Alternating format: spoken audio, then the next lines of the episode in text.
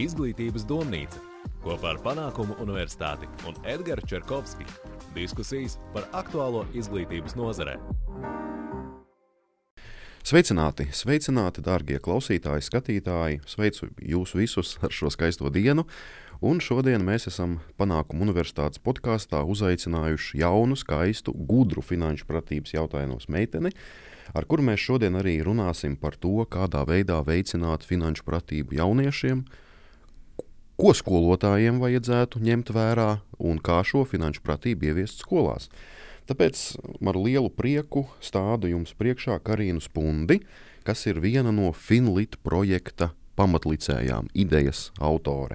Pastāstiet nedaudz Karina par sevi, par Finlit projektu, pirms mēs ķersimies klāt finanšu pratības jautājumiem. Jā. Tātad sveiciens visiem, esmu Karina. Jā, tā tad uh, mazliet uh, atpakaļ ejot, tad esmu 4. kursa studente Rīgas Stradiņu universitātē.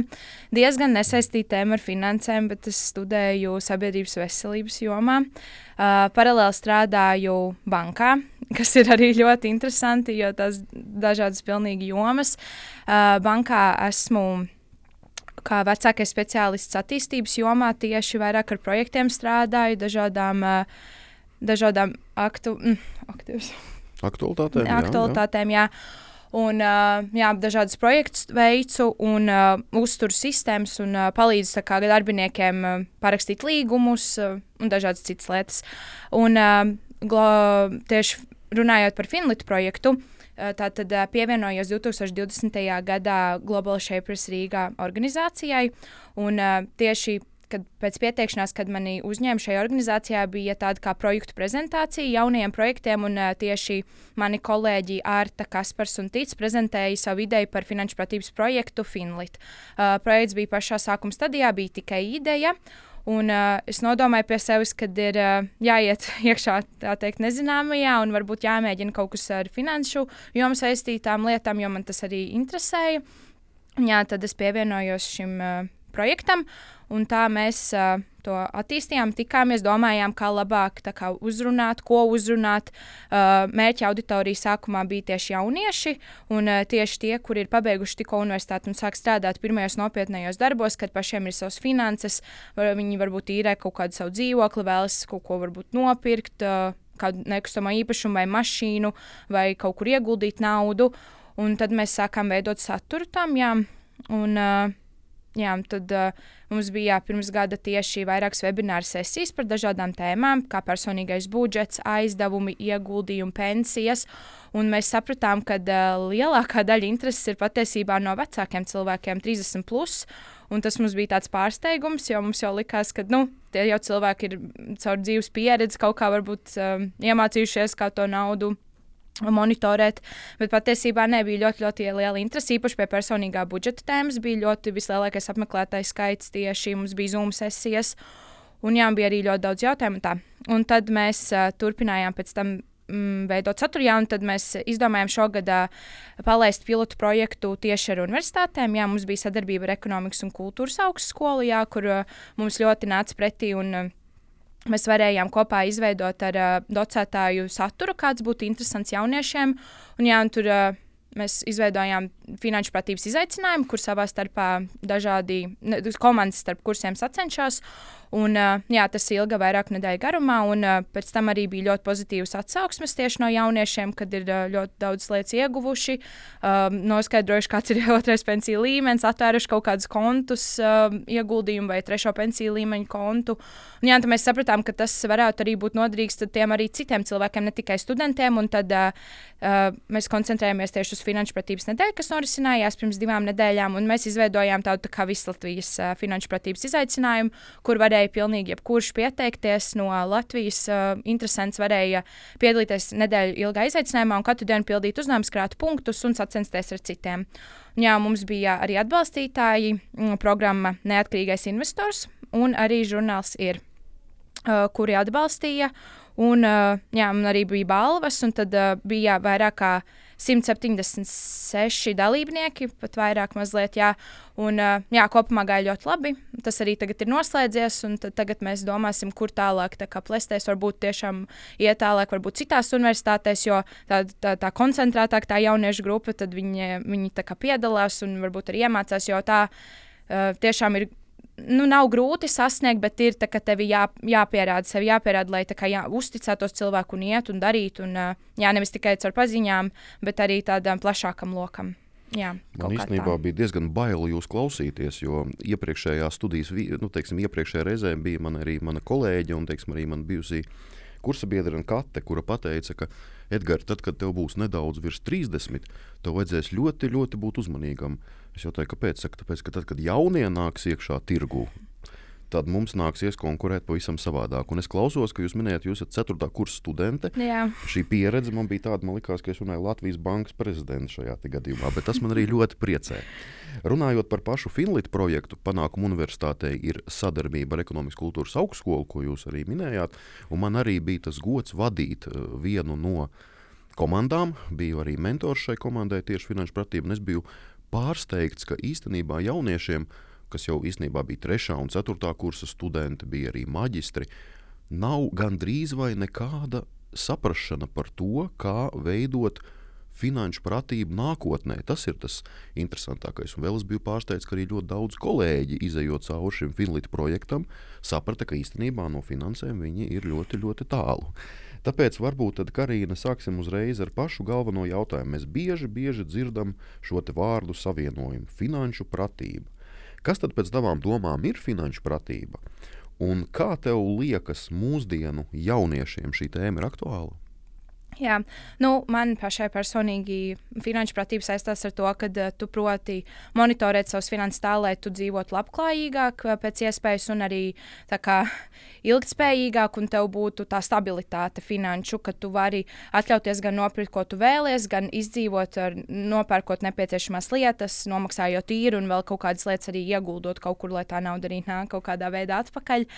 Un, uh, manuprāt, jauniešiem finanšu pratība saistās arī ar kaut ko Nu, ja es runāju ar saviem vienaudžiem, tad viņiem liekas, ka finanšu pratība ir kaut kas ārkārtīgi sarežģīts, ka to dara tikai bezmazai bankas darbinieki, kaut kādi skolotāji, ka tas vispār nav aktuāli un ka tas ir kaut kas ļoti, ļoti sarežģīts. Bet uh, arī projekta, Finita projekta laikā, kad mēs taisījām tos webināru sesijas, mēs sapratām, ka ir jāskaidro vienkāršā valodā. Tā kā divi reizes divi ir četri, ir jā, jā, jāskaidro ļoti vienkārši, jo cilvēki nesaprot. Jo ir tādi vairāk materiāli, var atrast, kur pats var cilvēks izglītoties, bet ja tu nes, neesi tajā jomā īsti iekšā, ir ļoti grūti uztvert to informāciju un uh, ir jāiet. Uh, caur pieredzi, ka cilvēks pats kaut ko izdara. Tā, es uzskatu, ka tā var lielākoties daudz ko arī apgūt. Un uh, runājot tieši par jauniešiem, cik aktuāli ir tā tēma.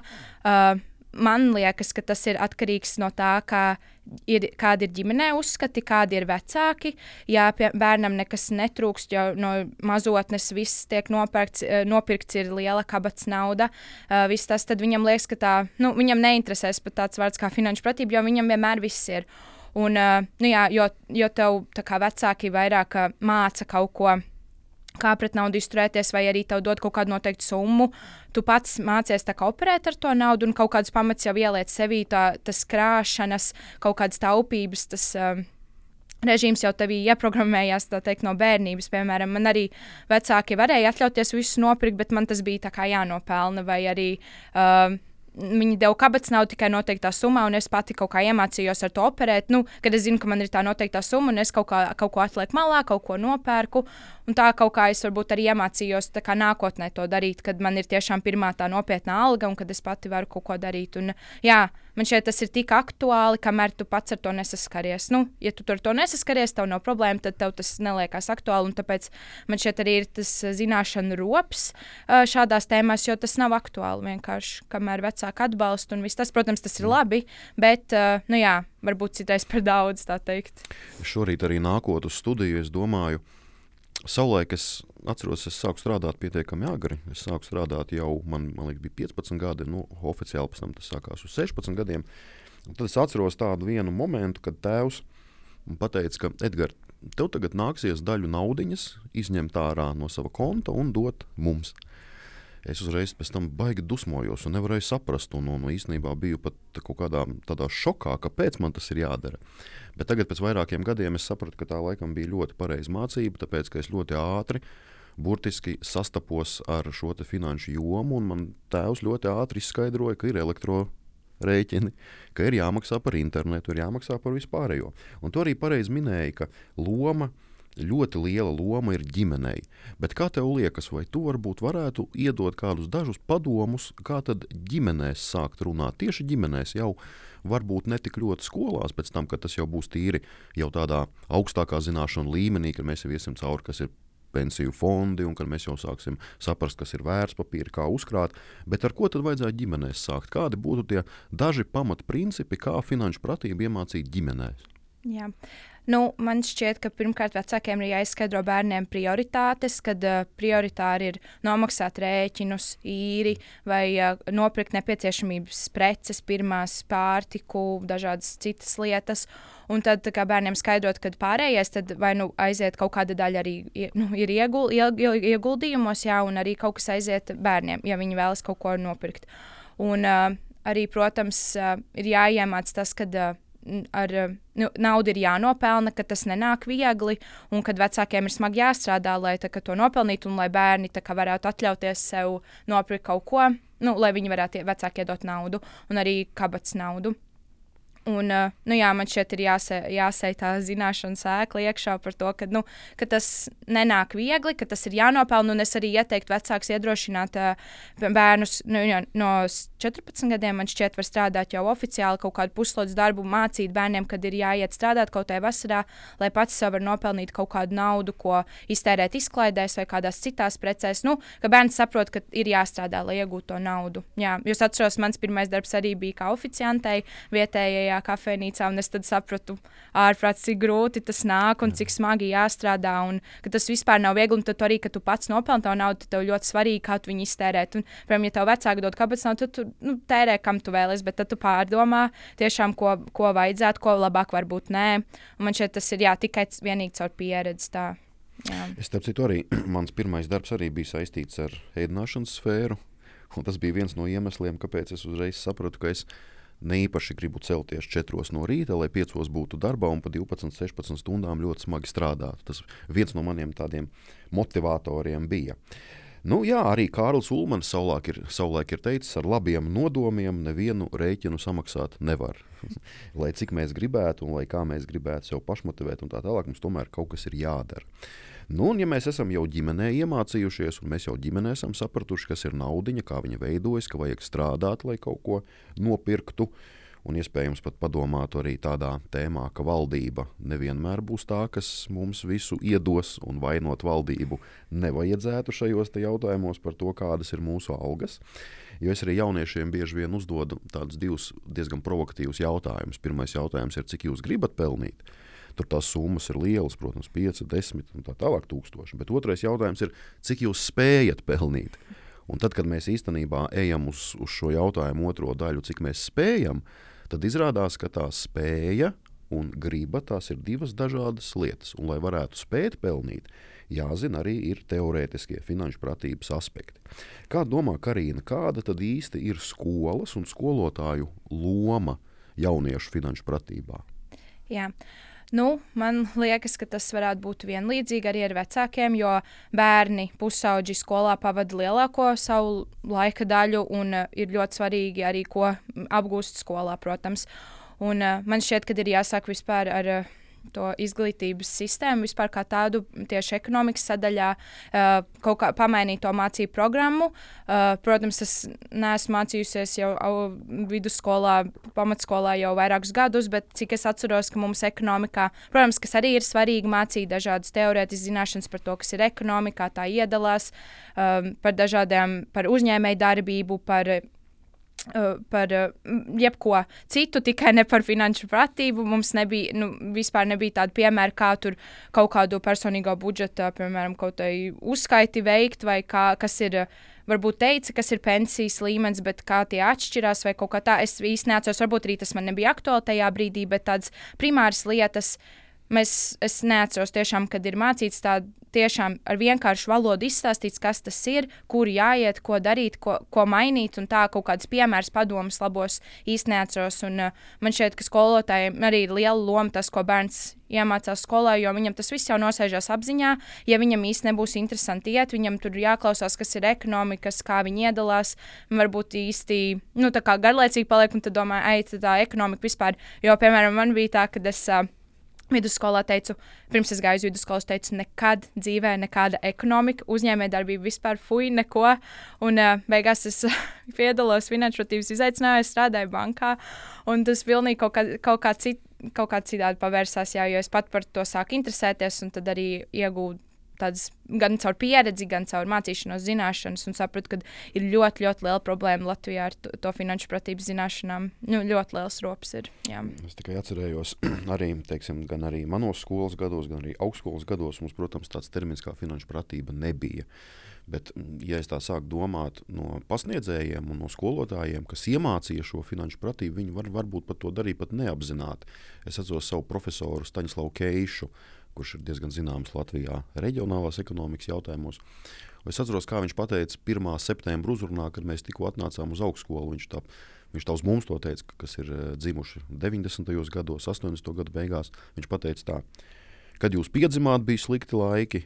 Tagad ir slikti laiki, toreiz bija finanšu krīze, un tuvākajā laikā nekas labs nebūs. Viss ir atkarīgs tikai un vienīgi no jums pašiem. Tā kā par to arī paldies arī profesoram. Ja mēs skatāmies kopumā uz um, plā, uz jauniešu spējām plānot un te pašā brīdī arī, arī veidot savas finanses. Kā tev liekas, kā pēdējo gadu laikā, ņemot vērā to, ka attīstās tehnoloģijas, ir mainījušās tieši jauniešu prasmes strādāt ar finansēm un izmantot tehnoloģijas savā sava budžeta plānošanā. Mēs zinām, ir ļoti daudz fantastiskas iespējas un tā tālāk. Kā tu no malas varētu noraksturot, kā ir mainījušās pēdējos gados jauniešu prasmes attiecībā uz finansēm? Jā. Nu, cik uh, es varu spriest pēc savu jauniešu loku, un viss tā, tad, uh, protams, tikko atnākot uz augstskolu, tas nebija vispār aktuāli, jo tev vecāki deva kaut kādu naudu, tu pats varbūt meklēji kaut kādu darbu, un tad uh, Jā, varbūt kaut kas kaut kur rakstīja uz kādas lapiņas, cik, cik tur tam aizies, tam aizies. Bet uh, es varētu teikt, ka ir arī tāpat ļoti slikti, tā, slikta tā zināšana bāze par to, kā vispār plānot to budžetu. Un, uh, es zinu tikai retos, kuri pieraksta Excel failos vai taisa kaut kādas pašas savas formulas, kā aprēķināt, uh, cik ir patiesie, cik plānoti izdevumi. Uh, Un uh, arī, kad mēs vadījām šos webinārus par personīgo budžetu, tieši bija arī liela interese, kā tad pareizāk to darīt. Jo līdz ko pasaka, kad ir jāplāno un jā, jāraks, jāpieraksta kaut kur tās finanses, atkal cilvēkiem liekas, ka tas ir ļoti sarežģīti, laikietilpīgi. Bet, nu jā, kā jau jūs minējāt, kad ir ļoti plašas iespējas. Var tikpat labi ieiet savā bankas portālā un redzēt, cik kam ir aizgājis procentuāli, kur aizgājis. Tad varbūt pēc tā, varbūt pat arī var kaut ko plānot. Bet tiešām var izmantot Excel failus, var dažādas lietojuma programmas lejupielādēt telefonā. Bet es teiktu, ka man liekas, ka cilvēki tikai sāk plānot, tad, kad viņiem pašiem var būt kaut kādas problēmas, finansiāls vai kaut kāds parāds jādod, vai tādas lietas, jo līdz tam jau cilvēks īstenībā neaizdomājās, kad ir jāplāno uz priekšu. Jo nu, arī, piemēram, tas pats par pensiju plāniem, kad jaunieši domā, ah, man jau vēl tikai tur tik gadi, es tur pat neiešu skatīties, kāds man otrais pensiju līmenis, kur nu vēl trešo pensiju plānu, ka tas man vispār nav aktuāli. Un man šķiet, ka tā finanšu plānošana atdurās tad, kad ir kaut kādas problēmas vai kaut kāds eh, neapdomīgs kredīts paņemts vai kaut kādas tādas lietas, un eh, kad tas jau noved pie tā, ka tu neesi jau laicīgi sācis plānot. Jā, man šķiet, ka ir diezgan slikts zināšanas, un tāpēc būtu skolās tas jāievieš vismaz mācību programmā, kad iemāca, kā, kā pareizāk varbūt kā sadalīt tās finanses vai kaut ko, lai jauniešiem jau ir tā bāze kaut kāda, jo savādāk. Jā man liekas, nav baigi labi arī ar visām tehnoloģijām. Starp citu, arī jūsu Finlīta projekta ietvaros arī ekonomikas kultūras augstskolas prorektore zinātņu daļā pēc tam pēc projekta teica, jā, Edgars, es sāku plānot savas finanses un īstenībā sāku aizdomāties, cik daudz es tērēju nevajadzīgām lietām. Un īstenībā es izmantoju arī tādu arī krājrīku, pietiekami interesantu, kurš man parāda, tās naudas summas, kuras mēs, nu, teiksim, es teiksim, personīgi, ko mēs ģimenē tērējam, un pēc tam mēneša beigās savēlkot to visu kopā, es uzdodu tikai vienu jautājumu, priekš kam? priekš kam es to darīju? Jo man liekas, to arī pareizi minēja, ka mēs nemākam domāt ilgtermiņā. Mēs gribam dzīvot šodienā. Un tad tā lielākā problēma ir, ka daudzi saka, ka, nu, jā, es jau pensiju nesagaidīšu, bet nu, pēc tam tā pensija tomēr pienāk. Un, un tad mēs atskatāmies atpakaļ un mēs atkal lietojam šo frāzi, vai cik es tomēr biju toreiz dumšs. Jo īstenībā es atskatos arī tagad, es arī izmantoju savu trešo, arī pensiju līmeni, esmu to pieslēdzis, bet ja es atskatos, ka esmu zaudējis burtiski kādus 6, 7 gadus, tavā, savā tajā jaunības dūlumā, īstenībā, kur man visu laiku bankas speciālisti brīdināja, un mēs par to visu laiku arī esam dzirdējuši, ka tas ir vajadzīgs. Ja? Nu, tagad man vajag atkal iemaksāt krietni vairāk, lai es varētu maksāt par tām savām, nu, teikt, jaunības Jā. kļūdām, par savām par savām tādām skaistajām dienām. Bet varbūt tu vari paskaidrot, kā tad mums domāt ilgtermiņā. Tieši kas ir vajadzīgs finanšu pratībā, kādas zināšanas un kas būtu jādara, lai mēs ilgtermiņā varētu par sevi parūpēties. To, ka mēs ikdienā plānojam savu budžetu, tas ir skaidrs. To, ka mēs mēģinām dzīvot eh, no mēneša līdz mēnesim, bet kā, kā varētu un kas būtu jādara ilgtermiņā, lai mēs būtu finanšu pratības jomā speciālisti? Jā, nu, cik es uh, varētu uh, atskatīties arī uz, to, uz tām webināru sesijām, kas mums bija Finlita sadaļā, tad uh, arī ļoti daudz nostrādātie piemēri vai fakti. Uh, man personīgi vismaz arī nostrādā fakti. Piemēram, ja tu sāksi tagad krāt, tad tev tik, tik, tik un tik gados būs tik un tik. Un uh, cilvēki varbūt tad saprot, wow, tā ir tiešām liela summa. Ja es atlikšu tik maz, tad uh, man prie, uz priekšdienām paliks vairāk. Vai arī, ka cilvēki nu, ir jāiet stāstīt, piemēram, mani draugi vispār par to arī neinteresējās līdz. Uh, Mēs ne, ne, nesākām šos webināru sesijas. Es viņus ar varu bezmazliet teicu, lūdzu, atnāciet, atbalstiet mūs, noklausieties. Pēc tam viņi arī tik daudz iemācījās. Viņi saprata, tiešām, ja, ja es tā paskaros, ja es nogultu mazo summas daļiņu mēnesī, kas man praktiski izmaksā varbūt vienu ēdienreizi, ka es izēju vai nopirkt vienu kaut kādu blūzi, bet es viņu ielieku savā nākotnē, tad tā summa ir tiešām liela. Un, nu, jā, cilvēkiem būtu jās, jā, jāsaprot, ka. Uh, tas jau patiesībā nemaksā tik daudz ieguldīt sevi. Tu jau ieguldi sevi, tu neieguldi kaimiņā vai draugā, bet tu ieguldi sevi savā nākotnē, un pēc tam jau tu pats būsi par to pateicīgs. Ja arī ir kaut kādas problēmas ar to krāšanu, nu, nezinu, kaut kā aizskaita mammai vai draugam, vai es nezinu, atver kaut kādu citu kontu, kur tu nevari piekļūt. Es nezinu, tā tik viegli. Un, uh, nu, jā, cilvēkiem jāsaprot, ka nu, jā, tas ilgtermiņš jau ir ilgtermiņā. Nu, jā, liekas, varbūt tagad es tos 20 eiro varētu iztērēt kaut kur citur, bet, ja tu viņus ieguldi sevī, tad tas atmaksāsies nākotnē vēl dubultīgi, jo tev pēc tam būs tā nauda, nebūs problēmas. Varbūt arī daudziem nostrādātā iebiedēšanas taktika, ja tu nekrāsi, tad tev būs vismaz jāņem ātrais kredīts, tad ko tu tad darīsi, nevarēsi atmaksāt, tev būs slikta kredīta vēsture, nevarēsi nākotnē izdarīt kaut kādas jaunības kļūdas, nevarēsi nākotnē kaut ko lielāku nopirkt. Jo jo man ir bijis piemērs no paziņu loka, kad tiešām neprata vispār plānot savas finanses. Ļoti slikti gāja, vecāki deva kaut kādu naudu, bet nu, iztērēja visu jau pirmajā mēnesī, ne pirmajā nedēļā, atvainojos. Un pēc tam nezinu, kur, kur, kur iet, jo bail vecākiem jautāt to naudu, jo viņi jau tā dod. Un tad uh, neapdomības dēļ paņem ātrā kredītu, un pēc tam nāks nožēlot, jo nevar atmaksāt, un viss uh, praktiski kredītu vēsture ir sabojāta dēļ tādas kļūdas. Uh, Jā, un pēc tam arī sāk domāt, vajadzēja tiešām plānot. Un tā nevajadzētu būt, tāpēc tas ir jāsāk jau ātrāk darīt. Jā, nu jā es, es īstenībā arī tādu personīgu piemēru varu minēt. Teiksim, tad, kad eh, es uzsāku savus studiju gaitas, tas bija tas smagais laiks, finanšu krīze, 2008. un 2009. gads.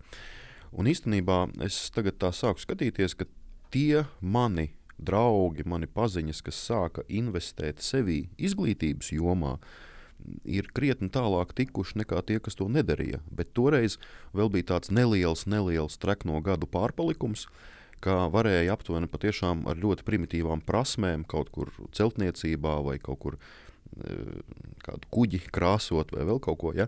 To varēja, varēja pelnīt pat pa 100, pa 200 latiem dienā, kas toreiz bija milzuma liela nauda. Un toreiz vajadzēja, nepakļ, vajadzēja nepakļauties tam izai, teiksim, izaicinājumam un tai vēlmei iet strādāt primitīvu darbu par ļoti, ļoti, ļoti lielām naudām, bet tajā pašā brīdī bija nedaudz vairāk, nu, īstenībā nedaudz pat vairāk, vairāki gadi bija jāinvestē sevī, lai tā tad mēs kaut ko varētu arī sasniegt. Un, ja es tīri skatos arī uz saviem paziņām, īstenībā man liekas, ka ļoti svarīgs jautājums arī ir šo finanšu pratību izmantot brīdī, kad tev tā nauda ir. Jo kā tev liekas, vai nav tā, ka es nezinu, kāds pētījums varbūt ir statistiski par to ir runāts, kā ir ar jauniešiem, kad viņi ļoti ātri sastopas ar ļoti lielām naudas summām, un vai nav tā, ka viņi kļūstot, teiksim, nu, izmantosim šo vārdu, bagāti, viņi ļoti ātri šo naudu arī var arī pazaudēt. Jo man personīgi ir, ir vairāk draugi, kas patiešām ļoti ātri izveidoja savu kapitālu, bet tā vēlme dzīvot bagātībā bija tik liela, ka tas bija ļoti liels naudas summas piekdienas vakaros un braukšanas ar limuzīniem un teiksim, braukšanas pa Latvijas labākām un pasaules labākajām viesnīcām un, un, un patiešām jahtu īrēšana un viss, viss, viss. Bet, eh, nu, diemžēl šie cilvēki tagad ir nonākuši ļoti lielās finanšu problēmās sakarā ar to, ka viņi vairs nu, viņiem tās naudas vien, vienkārši nav. Kā mums saprast to, ka mums vajag arī šo finanšu pratību spēt noturēt brīdī, kad tā nauda parādījās? Kāds būtu tavs ieteikums? Jā, nu, man šeit ir liela problēma tas, ka, jo tu pelni daudz, jo tu vienmēr cilvēks gribēs vairāk, tā, tā, tas tā ir. Un uh, arī, kad uh, ir tas uh, pēkšņais uh, lēciens no mazām naudas summām uz lielām, cilvēki kļūst ar vien mankārīgāk un grib vairāk, jo viņi ir kā, izjutuši to mazo bagātības alpu, tā teikt, un grib to paturēt sev. Un, uh, jā, tas, tas tā tiešām ir. Jo es zinu arī daudzus, kas dodas uh, uz ārvalstīm, ļoti liels naudas summas pelna un visas tās pēc tam atbraucot, piemēram, šeit uz Latviju, tā teikt, notriec, um, nezinu, viena, vienas, vienas vakaras iziešanā. Un tā, un, uh, Šeit atkal jau var atdurties uz pieredzi, kad, uh, nu, ja cilvēks nemācās jau no tā, ka uh, ir vienreiz iztērēts un pēc tam nav tā nožēlas sajūta, bet viņš grib vairāk, vēl vairāk pelnīt, lai viņš vēl vairāk, vēl lielāku kaut kādu naudu iztērēt kaut kādās neiedzīgās lietās, tad, uh, kamēr viņš nav saskāries ar finanšu problēmām, tikmēr viņam arī man šeit nebūs tā atskarsme, nu, kad stop pietiek, vai arī kāds no malas, kāds tuvāks draugs vai kas nepateiks. Nu, kad vajadzētu varbūt piebremzēt un sākt domāt arī par nākotni. Uh, protams, tas ir ļoti grūti, jo, ja, piemēram, tas arī varbūt ir saistīts ar vecāku audzināšanu vai kaut kādu bērnību, ja bērnībā ļoti maz naudas ir bijis un ir ļoti jātaupa, un tad, ja tu pēc tam sāc pelnīt daudz, tad ir vai nu tiešām tu esi tāds ļoti taupīgais, vai nu izšķērdīgais tips, kurš vienkārši naudu mētā pa labi pa kreisi. Bet kā iemācīties īsti to noturēt, Nu, jā, man, man, problēma, man tādas problēmas, diemžēl, nav. Nē, nevis diemžēl, bet paldies Dievam, nav.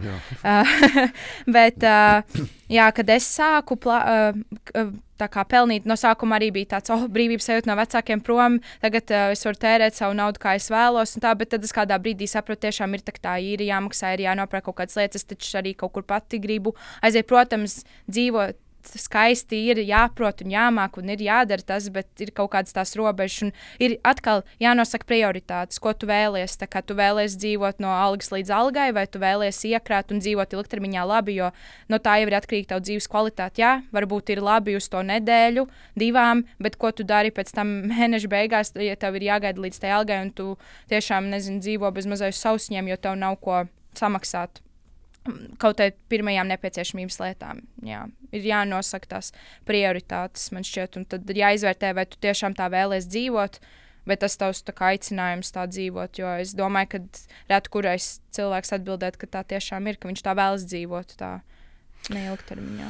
Tur tā lieta, jā, tas ir tas mūžīgais jautājums, kā dzīvot labāk, bet tajā pašā brīdī esmu piefiksējis, ka manā paziņu lokā, un teiksim, arī, arī manā, manu kolēģu lokā, patiešām ir ļoti turīgi cilvēki.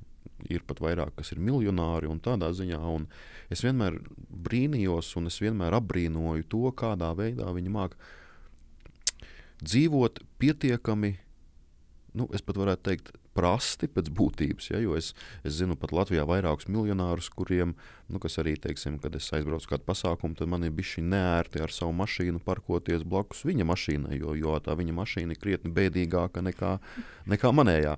Bet tad beigās uzdodot jautājumu, mm, daudziem arī es saku, nu kā jūs tā mākat dzīvot, viņi īstenībā pasaka ļoti vienkārši. Viņi pasaka, zini, man jau, man jau tā nauda nav tik svarīga, cik svarīgi ir tas, ka es ne no viena neesmu atkarīgs.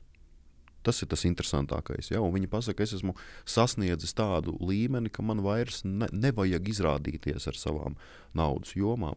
Un starp citu, arī Raimons Pauls, kas ir arī, mēs zinām, pietiekami turīgs cilvēks, vienā no savām intervijām, ja nešaubos, bija filma saucās Mūžīgais dzinējs.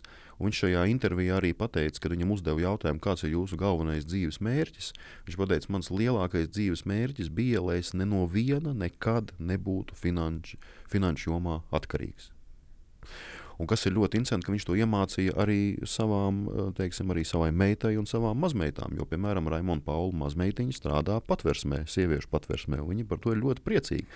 Nezinu, cik priecīgs ir pats Raim, Raimons Pauls, bet viņš to visu laiku uzsver, ka viņš nekad, nav, viņš nekad nevienam neko nedeva tāpat vien. Viņš vienmēr runāja par to, ka tev vienmēr kaut kas ir jādara. Nu, atgriežoties pie šīs naudas vērtības, jo mēs patiešām lietojam terminu naudas vērtība. Kā tad, kā skolotājiem un kā skolās vajadzētu runāt ar jauniešiem, lai mēs tieši saprastu šo naudas vērtību? Kas ir nauda? Tā neaug kokos, kā mēs to esam noskaidrojuši, un kā tad pacelt šo jautājumu aktuālāku? Tieši iemācīt to vērtību. Tas priekšām vārds vērtība ir ļoti svarīgs šajā gadījumā. Kā iemācīt jauniešiem naudas vērtību? Karī. Jā, tā.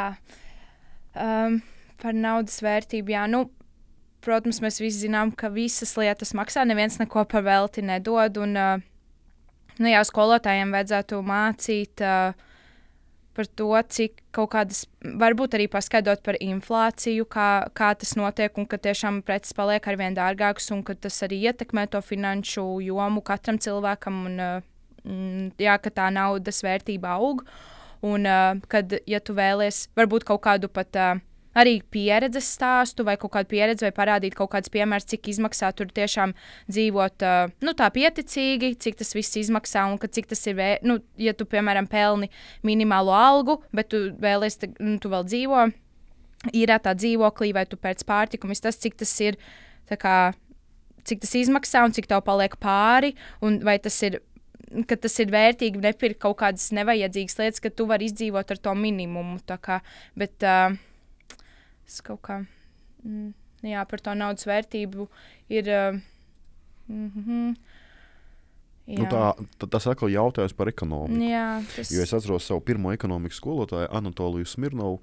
Viņš ļoti veiksmīgi iemācīja mums to, ka aiz katra latiņa, toreiz vēl, vēl bija lati, aiz katra latiņa stāv kāda prece vai, vai ekonomikā mēs arī to saucam par iekšzemes koproduktu. Tātad mēs varam kopumā gan valsts, gan arī cilvēks ir jāsaprot to, ka mēs varam dzīvot tikai uz tām summām, ko mēs paši esam radījuši kā vērtību. Un tas man bija ļoti svarīgi, jo īstenībā bija jāsaprot patiešām, ka nu, pa, mums ir jāmācās īstenībā skatīties, kā funkcionē ekonomika. Un es esmu runājis ar Latvijā diezgan daudz godriem cilvēkiem, ko viņi māca saviem bērniem. Nu, vairāk uzreiz pateica, ka mēs, no, teiksim, mēs ģimenē uzreiz no pašiem, pašiem pirmsākumiem iemācījām, ka tā naudiņa tik viegli patiešām nenāk. Un mēs tīri arī statistiski redzam, ka tie cilvēki, kuri teiksim, ātri arī nonāk pie vieglas naudas, vinnē loterijā lielas naudas summas vai teiksim, ātri kaut kādā veidā to, to visu savu fi, finanšu stāvokli uzlabo, viņi diezgan ātri arī to arī pazaudē. Tāpēc, ka viņiem nav tā izpratne par to, kas ir vērtība. Es teiktu, ik pa laikam arī ieejot iekšā Narvesenā, piemēram, šorīt, nopērkot kafiju, divi eiro Es domāju, nu jā, nu kafija ir 2 eiro, ja, bet cik tas ir nedēļā, cik tas ir mēnesī. Nu, beigās es sāku aizdomāties, vai man to kafiju vispār gribās īstenībā. Ja, bet, nu, es domāju, ka tā jēga arī ir ne tikai spēt izveidot savas finanšu pratības jomas, bet te pašā brīdī spēja arī dzīvot atbilstoši saviem ienākumiem un spēja dzīvot atbilstoši esošajam stāvoklim.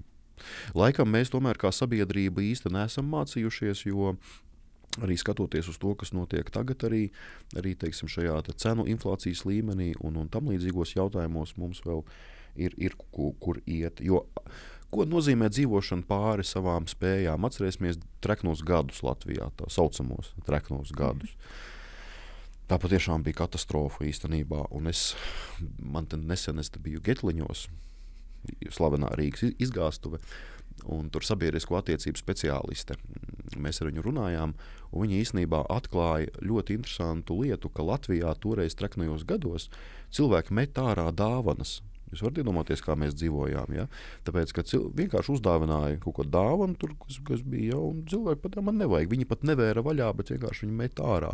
Un es pēc tam skatījos, man rādīja tās bildes, kur patiešām 2005. un 2006. gads, kad bija šie aug, nu, teiksim, augstie traknie gadi, gāzes grīdā periods un tā tālāk. Jā, cilvēki vienkārši met ārā dāvanas, un man tas likās tik, tik īstenībā nesaprotami.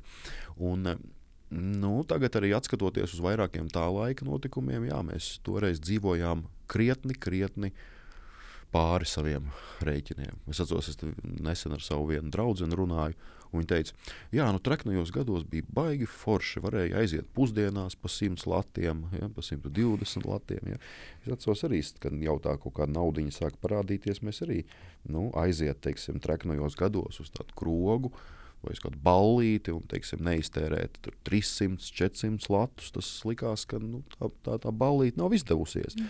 Bet īstenībā, ja mēs tā sākam domāt, nu, daudziem cilvēkiem tā summa pēc būtības ir arī viss ģimenes budžets īstenībā. Tādā ziņā, ja, tā kā par tām naudiņām, par tām naudas vērtībām, es domāju, ka vienmēr ir, ir, ir jārunā un, un vienmēr ir jāliek uzsvars tieši uz to, ka tā nauda ir pati neveidosies. Tas ir tas pats svarīgākais. Ja? Un vienmēr atcerieties arī, arī cienījamie klausītāji, aiz katra, katra, katra eirīša stāv konkrēta summa, ko mēs saražojam. Un to savulaik arī teica Adams Smits, ekonomikas pamatlīdzējs. Viņam bija šis slavenais teiciens, ka katra indivīda centieni vairot savu labklājību vainagosies visas sabiedrības labklājībā.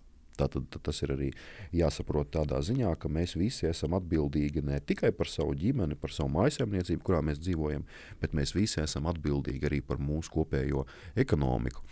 Un, un atcerieties, ka finanšu pratība arī ir spēja šo naudu iztērēt tā, lai tā nāk atpakaļ. Jā. Runājot piemēram arī par trešo pensiju līmeni, jā, teiksim, mēs 20% dabūjam atpakaļ. Tā ir pietiekami liela summa.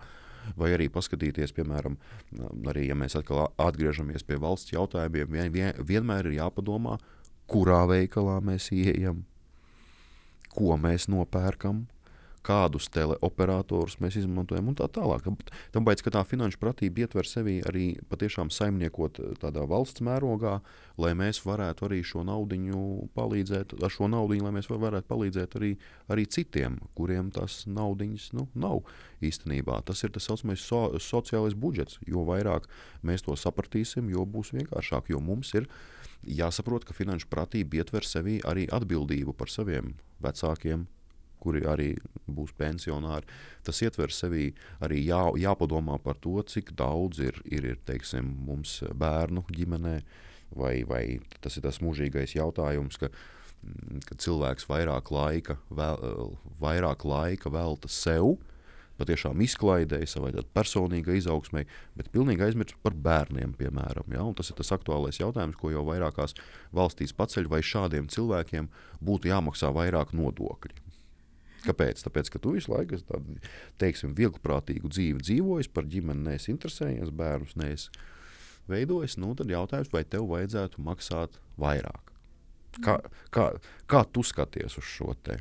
Vai tiem cilvēkiem, kas nerūpējas tādā valstiskā mērogā par, par, par, par, par, par mūsu tautas nākotni, viņiem būtu jāmaksā vairāk nodokļos? Mm, Nu, man liekas, ka varētu šeit būt tā pretreakcija, tā, tādas dusmas, nu, kā man valsts var piespiest uh, veidot ģimeni, ja es to nevēlos, ja man ir labi, mhm. un uh, tas ir. Uh, Nu, jā, tā, caur, varbūt caur piespiešanos, jo mēs zinām, ka latvieši ne, nemīl tādas kaut kādas obligātas lietas, ja ir kaut kāda nodokļa, vēl ja vairāk jāmaksā valstī, tā jau viss runā, cik liela nodokļa, cik daudz jāmaksā, varētu kaut ko mazāk, varbūt jāpārceļās. Un man šķiet, ka tas tikai, ja, ja uzliktu vēl lielāks nodoklis, tad liela daļa vai nu aizbraukt no mhm. valsts, vai nu pretotos, un tas man šķiet nav, ja cilvēks pats nejūt to vēlmu radīt ģimeni, man liekas, ka tas jānāk, tam jānāk ir dabiski. Nu, tā, Jo tas, nu, es nezinu. Es izveidoju, tas tāds stulbs piemērs izklausītos, izveidoju ģimeni, jo man bija jāmaksā vairāk nodokļu. Nu, tu to pats nevēlējies, bet tu to darīji, lai tu varētu vairāk kā, nopelnīt un vēl dzīvot. Bet, uh, jā, ko es varētu paturpināt par tiem jauniešiem un par to naudas vērtību, es atcerējos, ka, ka uh, ļoti bieži tagad īpaši ir cilvēki nemāk sekot li laikam līdzi. Piemēram, viņi ir ieciklējušies uz kaut kādu vienu lietu, ko viņi pērk jau gadu desmitiem, bet viņi pat nepaskatās citu pusi, kas varētu būt lētāk, izdevīgāk, un tas arī to naudas vērtību nosaka, jo viņi nemāk operēt ar to. Liekas, ka tās lietas, kad Dievs paliek ar vien dārgākas, ar vien dārgākas, bet viņi pat nepaskatās uz kaut kādiem citiem, varbūt pat labākiem un lētākiem variantiem, un kas ir izteikti arī jauniešiem, sekot līdzi modes tendencēm, kaut kādām jaunākajām tehnoloģijām, kaut gan viņiem nemaz nevajag tās preces ir labas. Piemēram, katru gadu iznāk jaunākie telefona modeļi, viņiem ir katru gadu jaunais jāpērk. Nu, kā, ja tu esi nopircis jau pirms gada, viņš ir tikpat labs vēl kādus trīs gadus, un tev nevajag to atkal jaunāko, un tā ir tāda izšķērdība, un tu nesaproti to, to preces vērtību, jo līdz ko tu nopērci, tā tai precē jau krītās vērtība. Tas pats arī, ja ņem kaut kādas lietas uz nomaksu vai patēriņa kredītiem, cilvēki jau neapzinās to, ka līdz ko tu to lietu nopērci vai paņem, viņai vērtība uzreiz krītās. Un vēl ir tā vēlme sekot līdz tam, protams, ir jāsako līdz laikam, bet, nu, tādā līmenī, ka tu pats vari to nodrošināt sev. Ja tu nevari to atļauties nopirkt, tad, es, nu, piemēram, runājot kaut par telefonu modeļiem, ja tu pats nevari atļauties nopirkt, tev jāņem ir nomaksāt, tad tev to preci tu nevari atļauties. Nu, tas tā tā interesanti, ka cilvēki grib lekt augstāk par kas viņi ir, bet viņi patiesībā tā nav. Tad viņi var iekulties dažādās šajās finanšu problēmās, jo vēlme sekot līdzi visiem trendiem un ātrai modei, un tas lietas eh, nepērk ilgtermiņā skatoties, tikai uz brīdi, lai kā, izrādītos citiem. Tā ir man šeit arī viena liela problēma. Īpaši jauniešiem. Un vēl atgriežoties par tiem likumiem, man uzreiz ienāca prātā piemērs ar Singapūru. Singapūra pēc vairākiem rādītājiem ir pirmā, pirmajās vietās e, pasaulē, arī teiksim, savā arī personīgo budžetu veidošanā, uzkrājumos un tā tālāk. Un kas bija ļoti interesanti, ka 70. gados Singapūrā ļoti strauji pieauga šķiršanās ģimenēs. Un tad uh, toreizējais premjerministrs, arī visā pasaulē slavenais Līgoņu, sasauca uh, teiksim, pasaules labākos psihologus un uzdeva viņiem uzdevumu, izskaidrojot, kāpēc cilvēks šķirās. Un īstenībā viņi sāka veikt pētījumus, un lielākajā daļā ļoti daudzi cilvēki uh, apprecās, izveido attiecības tādā rozā brīļu efektā. Ja? Un pēc tam, kad tās rozā brīvības tiek noņemtas, izrādās, ka pamatā lielākajā daļā problēma ir tieši ģimenes budžetā, finansēs, ka lielākie strīdi, lielākās problēmas rodas tieši dēļ tā. Un ko Līgoņģu izdarīja? Viņš saprata, ka, lai dzīvotu kopā un lai veidotu savas personīgās finanses, lai teiksim, veidotu savu budžetu, ģimenē ir jābūt ļoti gudriem Un Singapūrā vēl aizvien ir tāds likums pieņemts 70. 70. gadu beigās. Singapūrā cilvēki nevar stāties attiecībās, viņi nevar precēties, ja viņiem ir dažādi izglītības līmeņi. Tas ir pietiekami interesanti, bet, nu, ja mēs tagad paskatāmies, kur ir visbagātākā valsts Singapūra, kur ir teiksim, visstiprākās ģimenes Singapūrā, kur ir vismazāk problēmas ar finansēm un tā tālāk. Ja. Tā kā vienu vārdu sakot, cienījamie klausītāji, ja mēs ar jums būtu Singapūrā, uh, kādam puisim būtu maģistrs, bet viņa meitenei bakalaurs, tad viņi stāties oficiāli laulībā nevarētu. Tas ir pietiekami interesanti. Jā. Vēl viena problēma, arī, ar ko mēs sastopamies, kas laikam nu, no vienas puses ir labs rādītājs, jo tajās valstīs, kur ir bagāti cilvēki, parasti pieaug arī finanšu krāpniecība. Ja mēs skatāmies uz finanšu pratību caur krāpniecības prizmu, tad kas, jo finanšu pratība ietver sevī arī spēju to naudu, kā mēs jau šodien sapratām, saglabāt. Kādi būtu tavi ieteikumi, kā mums šodien, mūsdienu Latvijā, nepakļauties finanšu krāpniekiem un kā neiekrist šajās lamatās? Jā. Uh, pirmkārt, ir jāsāk ar kritisko domāšanu. Tas ir pats galvenais. Cilvēkiem ļoti bieži vien nav šī kritiskā domāšana, ir tā dezinformācija par to, kam ticēt, kam nē. Nu, to mēs arī varam pamanīt mēdījos un vispār pasaulē, ne tikai ar finansēm saistītām jomām, bet arī ar citām tēmām. Bet, protams, runājot par šo finanšu jomu un krāpniecību, man šeit ir jāatcerās uh, vairākas lietas. Pirmā ir tas, ka uh, bankas nekad nezvanīs un nejautās jums datus, jo viss jau viņi nekad nezvanīs, nejautās jums, uh, lūdzu, nosauciet savu klientu numuru vai kaut kādu konta numuru un kaut kādas paroles Uh, arī tas pats ir ar īsiņām. Nekad nesūtīs linkus, lai iet, virs, nu, lai iet iekšā. Un, uh, tas pats arī ir ar e-pastu un pikšķerēšanas gadījumiem, kad cilvēki pat neaizdomājās vispār uzreiz spiež virsū uz tiem linkiem, un tad notiek kaut kāda krāpniecība, vai viņi iet iekšā. Un, protams, krāpnieki ir ļoti gudri, viņi sako laikam līdzi, viņi izmanto pilnīgi visas iespējas, lai cilvēks kā, rīkotos ātri, neapdomīgi, un viņi kā, piespiedīs vienmēr, kā, viņi pretosies ja jūs teiksiet nē, viņš, viņš piespiedīs tas krāpnieks, lai jūs ātri rīkojaties, ka tuliņ jums viss kontu slēgs, bet tā nekad dzīvē nenotiek. Un cilvēki vienkārši panikas brīdī darīs visu, lai glābtu savu naudu, kontu. Un, uh, Jā, kas ir arī par kaut kādiem, bieži vien arī izskan kaut kādi internetu veikala krāpniecības gadījumi, kad tu ieej internetu veikalā, neticam lētas cenas, uh, brendu zīmoliem, un nu, neviens brendu zīmols nedos pat tik lētām naudām, nepārdos. Uh, nekādas savus apģērbus vai tādas lietas. Ir jābūt ļoti gudriem un prasmīgiem, lai nepiedzīvotu tās uh, krāpniecības. Uh, reizes, un uh, arī tas pats attiecās uz kaut kādiem lieliem laimestiem. Nu, jums neviens, ja jūs neesat pieteikušies, nezinu, superbingo vai kādās citās loterijās, ja jūs zinat, ka jums tiešām tāda ir, varbūt ir gadījumi, kad zvana. Uh, Bet es pati, diemžēl, neesmu nekad laimējusi loterijās, nezinu, kā tas notiek. Bet, jā, kad zvana piedāvā neticami lielas summas, ka jūs esat laimējis, nu tā nenotiek, diemžēl. Vai jums, nezinu, Nigērijas princis ir brālēns, kurš jums atstāja desmit miljonu mantojumu. Nu, tas ir tā smieklīgi, un tiešām, ka cilvēki nedomā kritiski, bet uz emociju, uz, tas ir vairāk emociju uzplūdā. Un to arī cenšas krāpnieki panākt, jo cilvēki emocijās nekontrolē savu domāšanu kritisko. Viņi vienkārši darīs visu, lai glābtu, lai iegūtu vairāk, varbūt. Un, jā, man šeit ir jābūt tādiem ļoti vēsu prātu.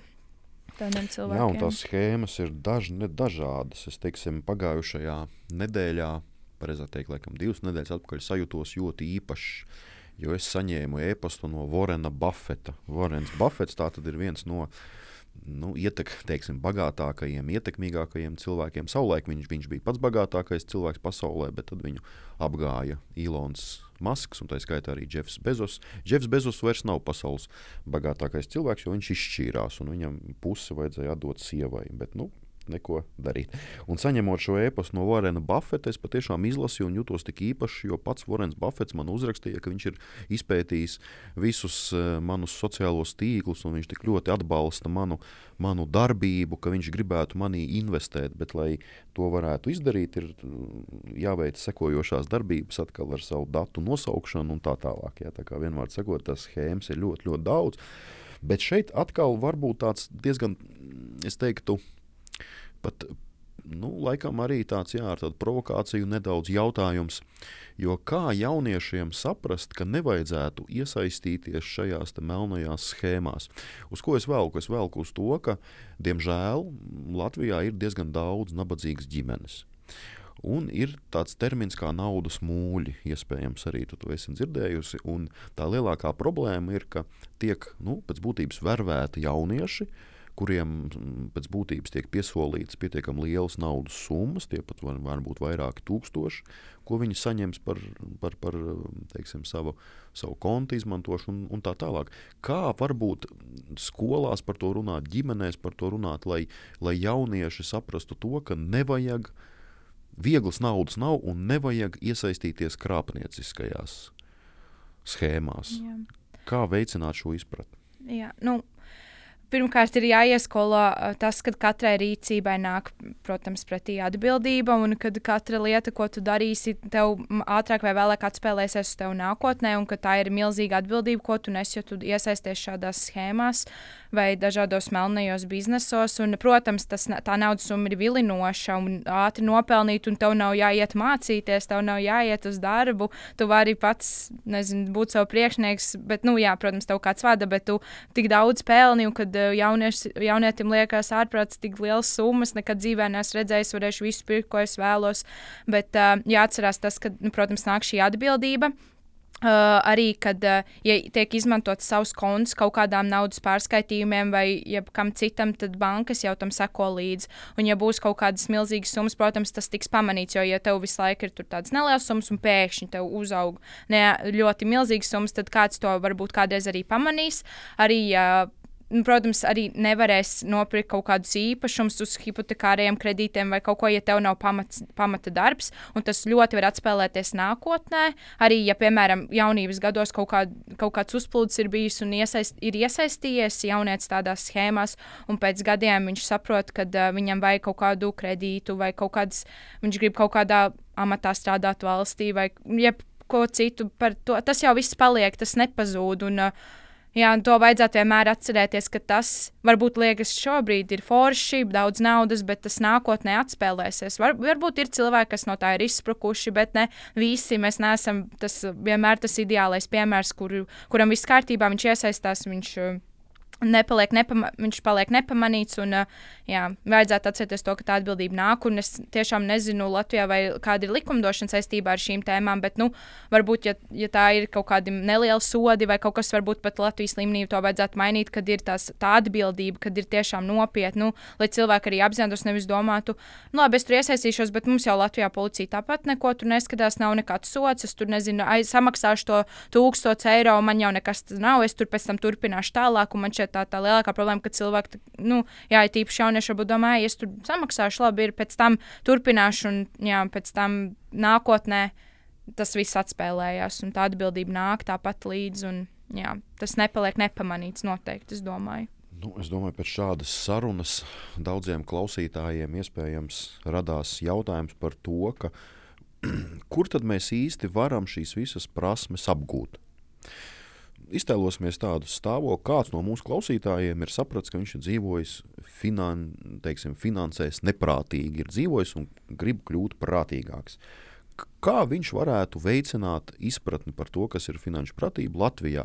Vai ir kādi semināri, izņemot, teiksim, runājot arī par projektiem, izņemot, teiksim, arī jūsu projektu, bet tas ir ļoti labs piemērs.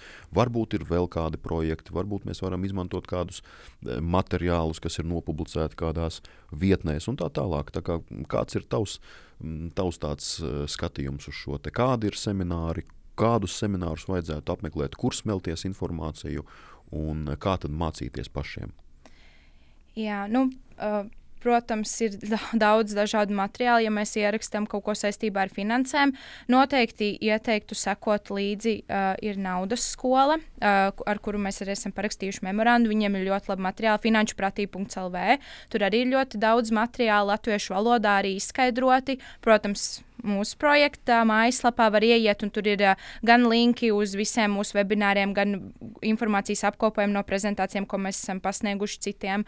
Uh, Vēl arī, protams, banku blogi ir dažādas uh, vietas. Nu, jā, banku blogos ir uh, apkopojumi par dažādām aktuālām tēmām. Ja tiešām ir problēmas, nesaprot, kā apskatīties otro pensiju līmeni vai kaut kur ieguldīt, es ieteiktu aiziet uz konsultāciju bankā. Varbūt jums var noteikti palīdzēs, izskaidros sīkāk, kā tas notiek vai ko pamainīt varbūt. Un, uh, ir arī, zinu, ka žurnālā ir vienmēr katru nedēļu ir tās slējas ar to, kas notiek, kādas ir šīs meistarklases vai kaut kādi webināri. Protams, arī var, ja ir vēlme investēt vai kaut, kaut ko mainīt ar ieguldījumu jomu, tad varētu noteikti piesakot arī neatkarīgajam investoram, vai es zinu, ir vēl dažādas vietas un meistarklases, kuras rīko. Uh, jā, Nu, man šķiet, uh, ir vienkārši jābūt atkal kritiskai domāšanai, jāizvērtē, ko es vēlos sasniegt, un tad pēc tā arī tiekties. Jā. Jo, ja būs tāda, es neko nesaprotu, man vajag visu tagad uzreiz, bet tev ir jāapsēžas un jāsaprot, kas ir tavs prioritāte pirmais. Jāsāk ar mazumiņu, nevar visu noteikti iemācīties un būt finanšu ļoti prasmīgs nedēļas laikā. Ir jāsaprot uh, tās prioritātes, jānosaka, jāsāk ar mazumiņu, teiktu, jāizprot vispār tās pamatlietas, kas ir, jo ļoti daudz nesaprot jāsaprot, tiešām, ka, kas ko nozīmē, tas ir jāsaprot. Un tad jā, var skatīties pēc situācijas, ka, kas tev nepieciešams, ko varētu uzlabot, un tad pēc tā arī meklēt tās lietas. Un, jā, noteikti arī sekot līdzi jaunumiem, sekot līdzi tehnoloģijām, kaut kādām lietām. Un, jā, tas, kas ir jaunietim aktuāli, tad tam arī sekot līdzi. Un jāatcerās arī, man ienāca prātā, jāatcerās arī ir tomēr latviešu folklora. Atcerēsimies kaķīša dzirnaviņas. Kāpēc kaķītim atņēma dzirnaviņas? Viņš paņēma, parakstīja kredītu, lai varētu norganizēt ļoti labas kāzas savām meitām. Ar ko tas viss beidzās? Kaķītim atņēma dzirnaviņas, un viņam vairs šīs dzirnaviņas nebija. Pēc tam beigās viņš viņus, protams, apguva. Atguva. Nu, un, protams, arī sprīdītis, cienījamie klausītāji. Atcerēsimies sprīdīti, kurš purvā skrēja pakaļ, pakaļ gaismiņām un gribēja dabūt vieglu naudu. Starp citu, jūs pieminējāt arī naudas skola, un es arī gribu nedaudz pareklamēt Latvijas bankas arī šo fantastisko zināšanu centru naudas pasaule, kuru, kuras, teiksim, kur vadmotīvs pēc būtības arī ir sprīdītis, jo viņš šo finanšu pratības jautājumu sāk ar, ar tādu īsfilmu par sprīdīti. Jā, un tas ir, es, es pat teiktu, tāds tā kā finanšu muzejs, kur eh, jebkurš var aiziet, un es teiksim, aicinu visus skolotājus obligāti, obligāti ejiet ar saviem bērniem uz šo finanšu centru. Nu, ņemot vērā pandēmiju, pagaidām tas gan notiek attālināti, bet arī, arī Latvijas banka ļoti veiksmīgi attālinātajā procesā pastāsta jauniešiem, kas ir nauda un kas ir uh, finanšu pratība. Bet, uh, cik es dzirdēju, ka no maija viņi jau atkal atsāks uh, dalībnieku uzņemšanu klātienē. Tā kā vienmēr sakot, cienījamies skatītāji, atceramies pašu pašu galveno. Lai pareizi dzīvotu, ir jābūt ļoti gudram, uh, nauda kokos neaug, un mums ir jārūpējas par sevi katru, katru dienu, tā lai mēs varētu izdzīvot arī nākotnē. Ar jums šodien kopā bija Panākuma Universitāte, Karina Spunde, Edgars Čerkovskis. Paldies, liels cienījamie klausītāji, un tiekamies jau nākošajos podkāstos. Paldies, Karina! Paldies!